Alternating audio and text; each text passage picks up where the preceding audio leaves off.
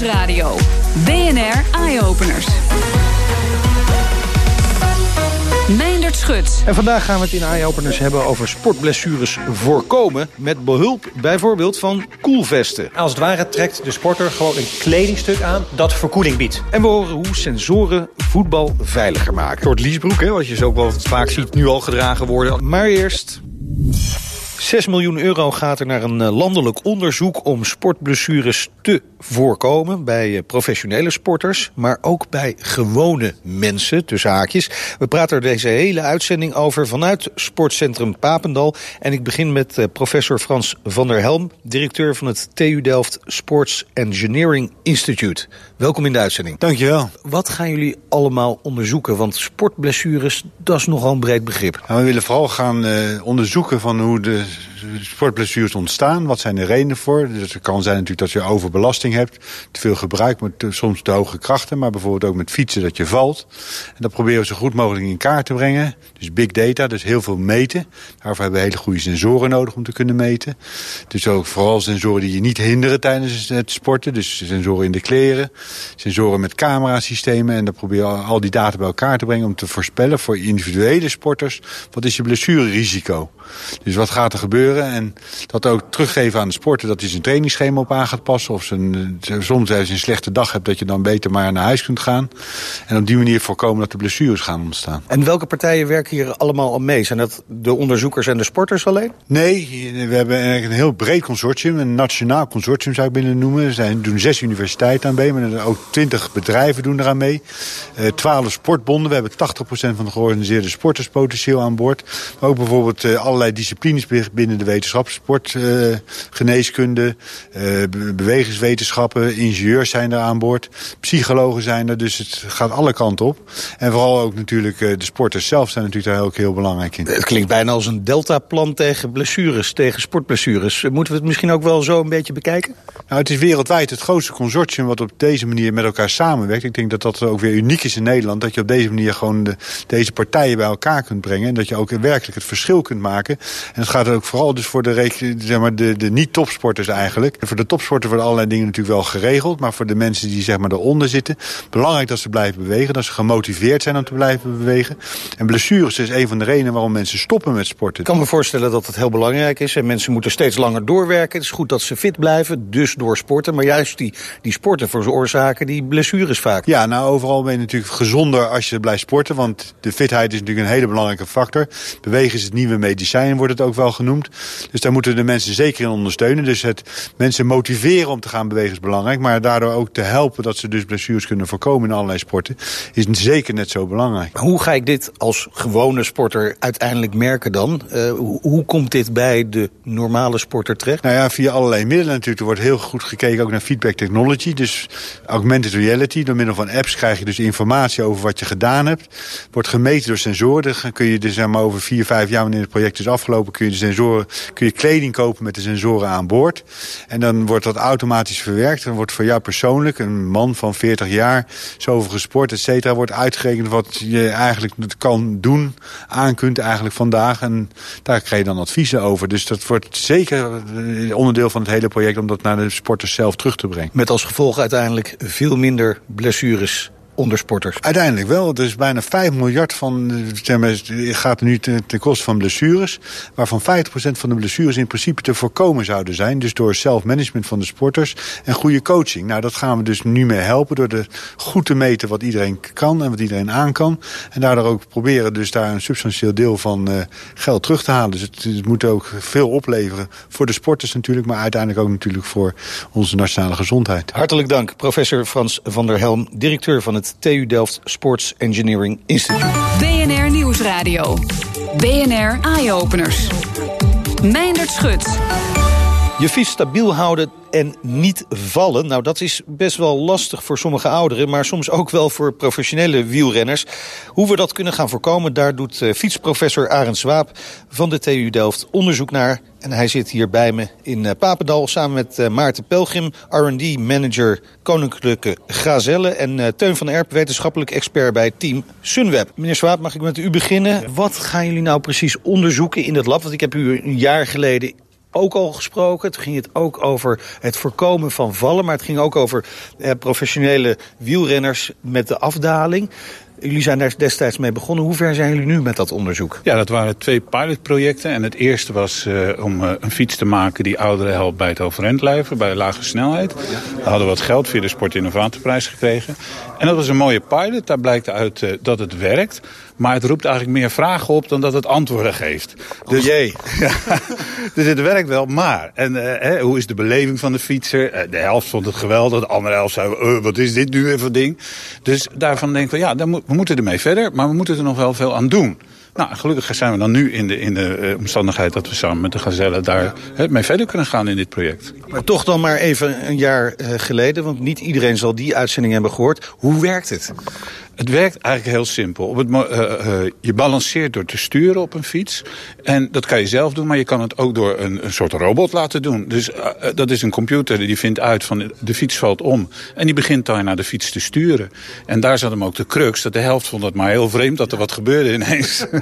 maar ja, technisch gezien, als we naar de nummers kijken... dan blijft de fiets gewoon beter overeind. Nou, Maarten Pelgrim, R&D-manager van Koninklijke Gazelle. Jullie hebben samen met de TU Delft al een stuurassistent ontwikkeld. Waardoor je ook echt niet meer kunt vallen?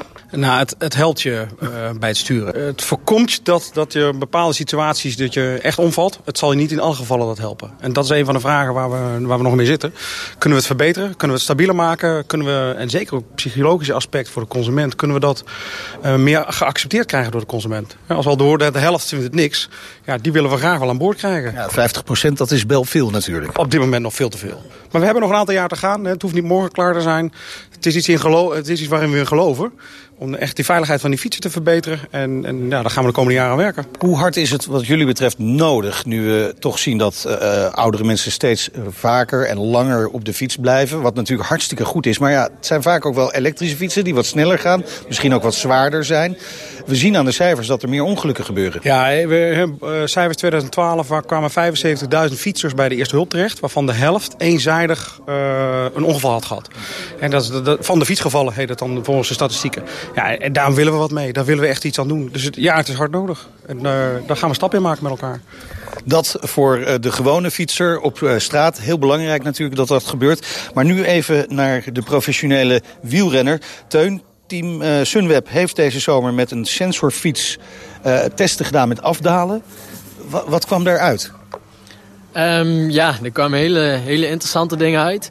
Eigenlijk um, ja, vooral wat interessant is dat er heel veel verschil ook tussen professionele wielrenners zitten. Dus daar zit nog een, uh, een marge waar uh, ja, renners um, die slechter dalen kunnen daar nog veel winnen. En wat vooral ook interessant is, is om het remgedrag van de wielrenners te onderzoeken. Ja, want afdalen, hè, daar gaat het hier specifiek over. Dan denk ik, ja, het gaat om de hoek waar je de bochten inneemt. Maar het gaat ook over het remmen. Wanneer ga je nou die, die remmen indrukken? Ja, de remmen, we zijn er in ieder geval achter gekomen dat het remmen belangrijk is. Dat maakt gewoon het verschil tussen de goede en de slechte dalers. En je ziet eigenlijk dat de minder goede dalers um, uh, eerder remmen en wat langer remmen. En de, de goede dalers die kennen de remkwaliteit eigenlijk beter, dus die remmen heel kort en krachtig. Klinkt heel logisch allemaal. En toch doen die professionele wielrenners dat niet allemaal? Nee, toch zit daar best wel veel verschil in. En dat maakt dit project nou zo interessant om te kijken of we dan ook zeg maar, de minder goede dalers kunnen trainen daarop. En het vertrouwen kunnen geven uh, daarin. En daardoor dus sneller kunnen dalen. Dus de informatie die hebben jullie eigenlijk, die komt van de fiets. En nu is de, ja, heel voorzichtig. Ja. En, en, maar is de truc nu om dat inderdaad tussen die oren van die wielrenner te krijgen? Ja, we hebben een deel van de informatie hebben. Um, waar we, in het project gaan we dus ook nog meer data verzamelen. Welke data wil je dan nog? Oh, uh, dat is een goede vraag. Uh, of is dit allemaal geheim? ah, nou, het, is, het is geen geheim. Daar moeten we in, in het project achter komen. Maar we hebben nu data en nu is het, het grote truc gaat zijn zeg maar om op een veilige manier de informatie en de uh, feedback terug te krijgen bij de renner. Oké, okay, en dan de komende grote tours, gaan we daar al iets van merken? Uh, misschien dit seizoen nog niet, maar de, in de, in, dat is wel het idee. Ja. Dus we willen eigenlijk, het zou het idee zijn dat de renner um, voor een grote ronde eigenlijk de afdalingen al kan trainen. En daar dus ook feedback kan krijgen uh, hoe hij die, die afdaling zo snel mogelijk kan doen. Dat is, dat is ons grote doel. Uh, Arend Swaap, tot slot nog Even terug naar jou. Dit, zijn wel schitterende innovaties op zo'n oer-Hollands geval als de fiets. Moeten we in de toekomst nog meer van dat soort innovaties verwachten? Ja, absoluut. Ik denk er zijn nog zoveel dingen uh, waar we de science toe kunnen passen op zo'n ding als de fiets. Hè. De fiets is een evolutionair ontwerp. En nu zijn we eindelijk in de mogelijkheid om meer wetenschap toe te passen. En we zien al een aantal gewoon succesdingen. Hè? Over, over het steer assist en data verzamelen om goede adviezen te geven. Uh, ik denk dat het nog veel meer gaat komen. Hartelijk dank. Arend Swaap van de TU Delft. Maarten Pelgrim, R&D-manager van de Koninklijke Gazelle. En Teun van Erp, wetenschappelijk expert van Team Sunweb. En straks zitten we in Tokio-temperaturen voor de zomerspelen van 2020.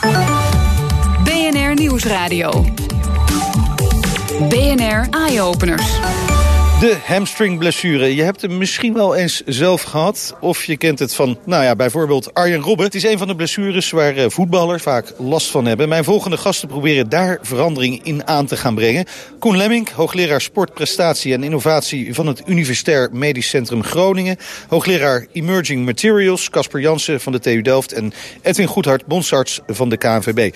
Welkom heren hier in Papendal. Edwin, uh, jullie ontwikkelen een speciaal kledingstuk vol met sensoren... die voetballers kunnen gaan dragen. Wat moet ik me daar nou precies bij gaan voorstellen? Nou, eigenlijk iets heel simpels. Het is een soort liesbroek, hè, wat je zo ook wel vaak ziet nu al gedragen worden. Onder de broekjes, hè? Precies. En uh, die zit strak op de huid. Nou, als je daar dan zeg maar een aantal meetsysteempjes in kunt maken... die precies vast kunnen leggen hoe snel en explosief iemand beweegt... want dat is iets wat we nu nog niet echt heel goed kunnen... denk ik dat we daar een belangrijke factor voor kunnen uh, opsporen... waarom overbelasting ontstaat. En wordt wel eens vergeten, maar veel van die hamstringblessures zijn eigenlijk overbelasting. Lijkt me, lijkt me nou weer niet zo heel comfortabel met al die sensoren in zo'n uh, stretchbroekje. Nee, maar daarvoor hebben we Casper zeg maar, ingehuurd om het voor ons zeg maar, heel uh, geriefelijk te maken. Nou, dan gaan we naar Casper uh, Jansen van de TU Delft, hoogleraar Emerging Materials. Ja. Nou, vertel maar, hoe maken we dit toch wat aangenaam voor de sporters? Precies, dat is de bedoeling, hè? want hij zei het al van, als het dus niet goed zit, als het in de weg zit, dan bedenk je wel een tweede keer voordat je het weer aantrekt. Dus de manier waarop we dat willen gaan doen... is proberen die sensoren dus heel klein te maken. Uh, als je die uh, uh, versnellingssensoren bijvoorbeeld hebt... als er dan nog batterijen bij zitten... dan zijn het allemaal van die grote, logge dingen. als je valt, een sliding hebt, dan doet het zeer. Mm -hmm. Als je nou vanuit gaat van de nieuwste ontwikkelingen in chiptechnologie... dat die sensoren steeds kleiner worden dan kun je het integreren zodanig dat het niet in de weg zit... en dat je toch al die signalen kan meten. Bovendien zijn we ook bezig met sensoren die gemaakt zijn van textiel. Geleidend textiel, niet geleidend textiel. En dan is het gewoon een sensor die uh, op textielbasis is. Die kun je gewoon in je handen uh, doen, uh, opfrommelen en je voelt er dan niks meer van. Dus we gaan een aantal soorten sensoren uittesten in dit project. Je, je hebt ook wat voorbeelden meegenomen. Ik zie een, ja, een, een normaal sportshirt eigenlijk. Maar er zit een hele grote rood geval op. Daar zit inderdaad, de, hier zit de elektronica op. Die zitten dus met een uh, magneetje zo op. Dus dat kun je zo hup, erop klikken. Maar waar het om gaat zijn de sensoren. Dus die hierin verwerkt zitten. Die zitten hier. En hier zitten ze in. Op de rug? Op de rug. Ik kan het nou helemaal uh. Ik kan het uitrekken. En uh, dit... Ja, ik voel het, ja. Dit is heel dun. Daar, daar, zul je geen last van hebben haast. Ja, precies. Die sensoren zijn zoals dit. Hè? Dus, dus gewoon rekbaar op het moment dus dat jij beweegt. Hè? En dan rekt het shirt uit en daardoor dus die sensoren ook. Deze geven dan de signalen door naar dat kastje waar het net al over had. En die zenden het draadloos door naar uh, de, nou ja, uh, de, de laptop die aan de kant staat. En uh, uh, dan kunnen de signalen verwerkt worden. Nee. Dus dit is gewoon een voorbeeld van wat we uh, gaan uh, uitproberen. Uh, Koen Lemming, de, de, denk je nou dat dit... want we hebben het net over Arjen Robben gehad... en andere topvoetballers, tophockeyers die dit ongetwijfeld gaan dragen... maar denk je dit, dat dit ook zijn weg gaat vinden naar de gewone sporter? Nou, nou wat, je, wat je ziet, dat is wel de bedoeling. Kijk, kijk, wat je ziet, een aantal jaren geleden was het ondenkbaar... dat je voetballers een wedstrijd liet spelen in de Nederlandse competitie bijvoorbeeld... met dat ze iets op hun lichaam uh, droegen. Dat doen ze nu al. Dus de stap naar iets eh, dragen op het lichaam wat gewoon makkelijk uh, is en waar zinvolle informatie uitkomt. Nou, die, die wordt gemaakt. En als je dat dan wat doorvertaalt en je hebt een slidingbroekje... waar je informatie uithaalt uh, die heel, heel simpel en, en ook interactief informatie geeft... waardoor coaches of fysieke trainers ook hun training wat kunnen aanpassen... of kunnen kijken wanneer een voetballer ja, toch een beetje aan de grenzen van zijn uh, belastbaarheid zit... denk ik dat het een weg zou kunnen vinden. Dat is wel het idee van het project. Ja. We raken gewend aan de wearables, dus ook aan die sensoren... die iets over ons lichaam zeggen. Maar ja, er is wel goede begeleiding voor nodig, kan ik me zo voorstellen voorstellen. Ja, maar uh, ook daar hebben we wel voor ge gezorgd, zeg maar. Hè. Uh, wij hebben ook zeg maar, als KVB gezegd... van alles wat we uitvinden voor de topsport... moet ook een vertaalslag krijgen naar de breedte sport. Dus ook jij zeg maar, moet zo'n uh, fancy broekje aan kunnen trekken zo meteen... en zo de blitz maken op het voetbalveld. Wauw, kan niet wachten. Ja, dat begrijp ik. dat begrijp ik helemaal. Maar zeker, die data die eraan vastzitten... weet je wel, de informatie die je dan waarschijnlijk via je, je smartphone krijgt... die moet dan wel goed zijn en adequaat zijn. Nou, dat zit ook in het hele project verwerkt. En je moet er goed mee kunnen omgaan met die informatie, kan me voorstellen. Nou, dat is belangrijk, want we verzamelen heel veel informatie. Maar in het project gaat het natuurlijk ook om wat is zinvolle informatie... Ja. en wanneer doe je daar iets mee. Dus er zit ook een, een deel in het project waarin het gaat om... welke informatie koppel je nu terug... en hoe kun je die zo eenvoudig mogelijk maken... en dat die ook is toegerust op uh, ja, wat mensen op een bepaald moment in een training ook uh, willen zien. Dus we moeten het heel erg toegepast op, uh, op uh, de voetballer of op de, de, de hockey in dit geval geschikt maken... zodat ze dat ook lekker kunnen gebruiken tijdens hun dagelijkse uh, trainingen of, of, of een wedstrijden zelfs. Ik me dan voorstellen dat je dan een soort app krijgt dat, en die app gaat adviezen geven over hoe ik me moet gaan bewegen? Ja, dat zou je heel goed voor kunnen stellen. Kijk, het, het idee is echt dat je op een gegeven moment kunt zeggen... nou, dit is zeg maar een bepaalde belasting, voetbalbelasting. daar kun je op een bepaald niveau kun je, zeg maar, een factor 10 hebben. En als je op 12 zit, ja, dan doe je iets te veel. Dan moet je wat naar beneden. Maar ook als je op factor 2 zit, terwijl je eigenlijk 8 zou willen hebben, doe je te weinig. Dus dat je echt bij kunt sturen op wat dan uitgevonden is wat goed voor je zou zijn. Buitengewoon nuttig allemaal. Ik denk wel dat het belangrijk is om het goed inderdaad te analyseren en te weten wat je met die data dan kunt doen. Hartelijk dank. Koen Lemming, hoogleraar sportprestatie en innovatie van het Universitair Medisch Centrum Groningen. Hoogleraar Emerging Materials Casper Jansen van de TU Delft en Edwin Goedhart, bondsarts bij de KNVB. BNR Nieuwsradio. Meindert Schut. We zijn inmiddels uh, verhuisd naar de Klimaatkamer. En we zitten in de temperatuur van ja, Tokio 2020. Over twee jaar de Olympische Spelen daar. Het is dus flink warm en vochtig. We gaan het daarom hebben over manieren om die sporters daar goed op voor te bereiden. En de lichamen te koelen. Daarover gaan we praten met hoogleraar inspanningsfysiologie Hein Dane van de VU Amsterdam. Camille Maassen, wetenschapper en innovatie-expert van NOC-NSF. En hoogleraar Emerging Materials Caspar Jansen van de TU Delft. Camille Maas, om met jou te beginnen. Hoe, hoe, warm is het hier eigenlijk precies en hoe vochtig? Nou, als het goed is, is deze kamer ingesteld op ongeveer uh, 30, 31 graden Celsius. En ik denk uh, 80% uh, luchtvochtigheid. Dat voelt als die klamme deken wanneer je in Azië uit het vliegtuig stapt. Dat heeft een enorme impact op je prestatievermogen. En ook het aller, allerbelangrijkste dat de sporters en coaches moeten gaan doen... in aanloop naar die Spelen in de zomer van 2020 in Tokio...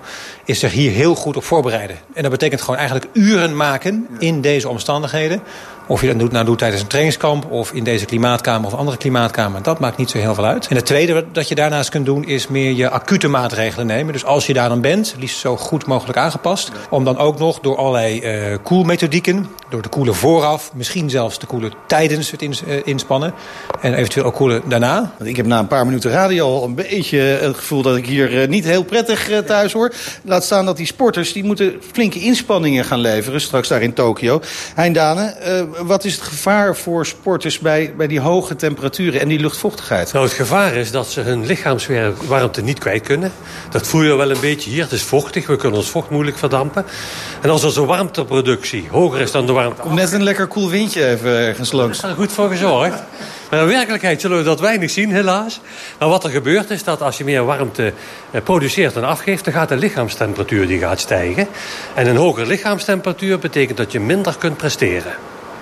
En dat is natuurlijk heel vervelend voor die Olympische sporters en, en voor gewone mensen. Voor gewone mensen is dat ook heel lastig. Maar voor sporters geldt het extra omdat ze heel veel warmte maken. En om een beetje een beeld te geven... voor elke graad dat de lichaamstemperatuur stijgt... wordt de mens 1% minder efficiënt.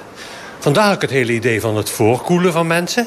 Want als ik nou voorkoel, dan is die lichaamstemperatuur... die stijgt minder bij inspanning. En dan daalt de prestatie wat minder.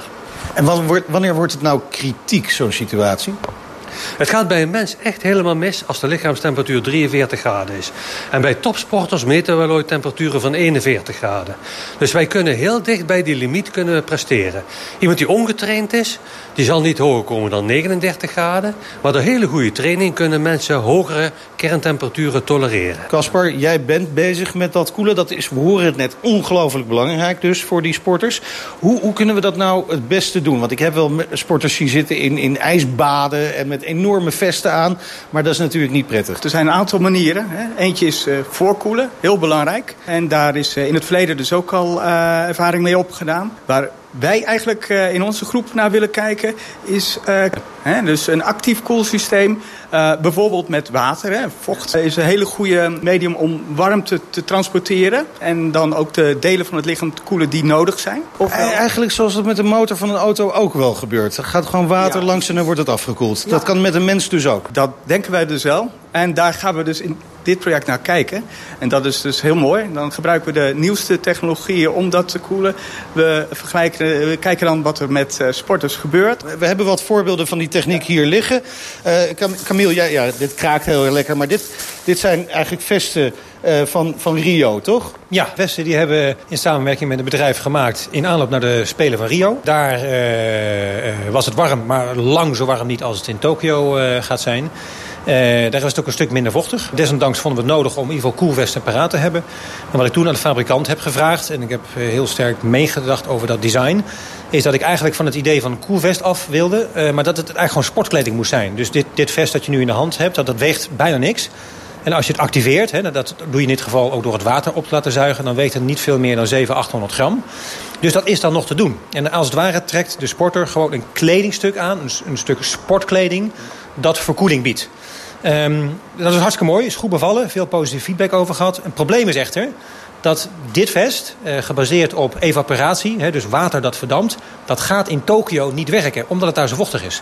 Dus ik heb de mensen als Hein en Casper nodig om ja. mij te helpen... Ja. om voor Tokio ook weer oplossingen te maken die daar ook werken. Nou, laten we even kijken naar die oplossingen, Casper. We zien hier een, een vest met, met uh, koelelementen, zouden we kunnen zeggen. En daar loopt een ja, een draad door waar, waar dat water doorheen kan, kan ik me voorstellen. Precies, dat is de bedoeling. Hè? Dus die koelelementen, dat zijn geen harde elementen... want het is wel iets wat gedragen moet worden. Als je voelt, dat is, dat is ja. gewoon schuim, hè? Ja. Uh, open celschuim. Dus dat, dat voelt lekker zacht aan. Door dat schuim uh, sturen we dus schoon water. Dat water verspreidt zich helemaal uh, over die schuimpads... En verder zit er dus een membraan over, dus dat uh, half doorlatend is. Dus aan de achterkant zorgt het ook dat het uh, vochtig is, zodat het heel goed in contact is met het lichaam. Hè? Dus dan wordt de warmte uit het lichaam getrokken. Via die, die ja. coolpads en uh, de, de slangetjes wordt het rondgepompt. Dat is dan ook nog iets. Hè? We zijn aan het werken om dat autonoom te laten gebeuren. Dus door de bewegingen van de sporters. Er is niet zoveel beweging voor nodig om dat, uh, die pompbeweging voor elkaar te krijgen. Uh, wordt het rondgepompt. En dan wordt het dus op een andere plaats... moeten we verder dus die warmte kwijt nog aan de lucht. Hè? En dat kan... Uh, dan bijvoorbeeld uh, zeg maar thermoelektrisch, zoals we hier doen met die koelelementjes die in de campingkoelkasten ook zitten. Hein Dane, um, nou is dit allemaal aan de buitenkant van het lichaam, maar ik begin zo langzamerhand trek te krijgen in een glaasje water. Zou je het lichaam niet veel beter van binnenuit kunnen koelen? We doen het allebei samen. Dus koele dranken worden te voren genomen. Maar ook dit soort systemen helpen. En hopelijk gaat dat inderdaad tot succes leiden in Tokio. Maar ook uh, voor de gewone mensen die dit soort technieken misschien wel in hun uh, kleding kunnen gaan gebruiken als ze gaan sporten. Ik dank jullie hartelijk hoogleraar inspanningsfysiologie. Hein Dane van de VU in Amsterdam. Camille Maas, wetenschap en innovatie-expert van de NOC-NSF. En hoogleraar Emerging Materials Caspar Jansen van de TU Delft. Zullen wij een uh, verkoelend glaasje gaan drinken, heren? Doe maar. Ja. En dat was hem voor vandaag vanaf Papendal. Meer innovaties met impact vind je op bnr.nl slash eyeopeners. Op Twitter vind je ons via BNR Innovatie. En de hele uitzending kun je natuurlijk terugluisteren als podcast via iTunes en Spotify. Maar ook in de BNR-app. En je hoort ons in de toekomst.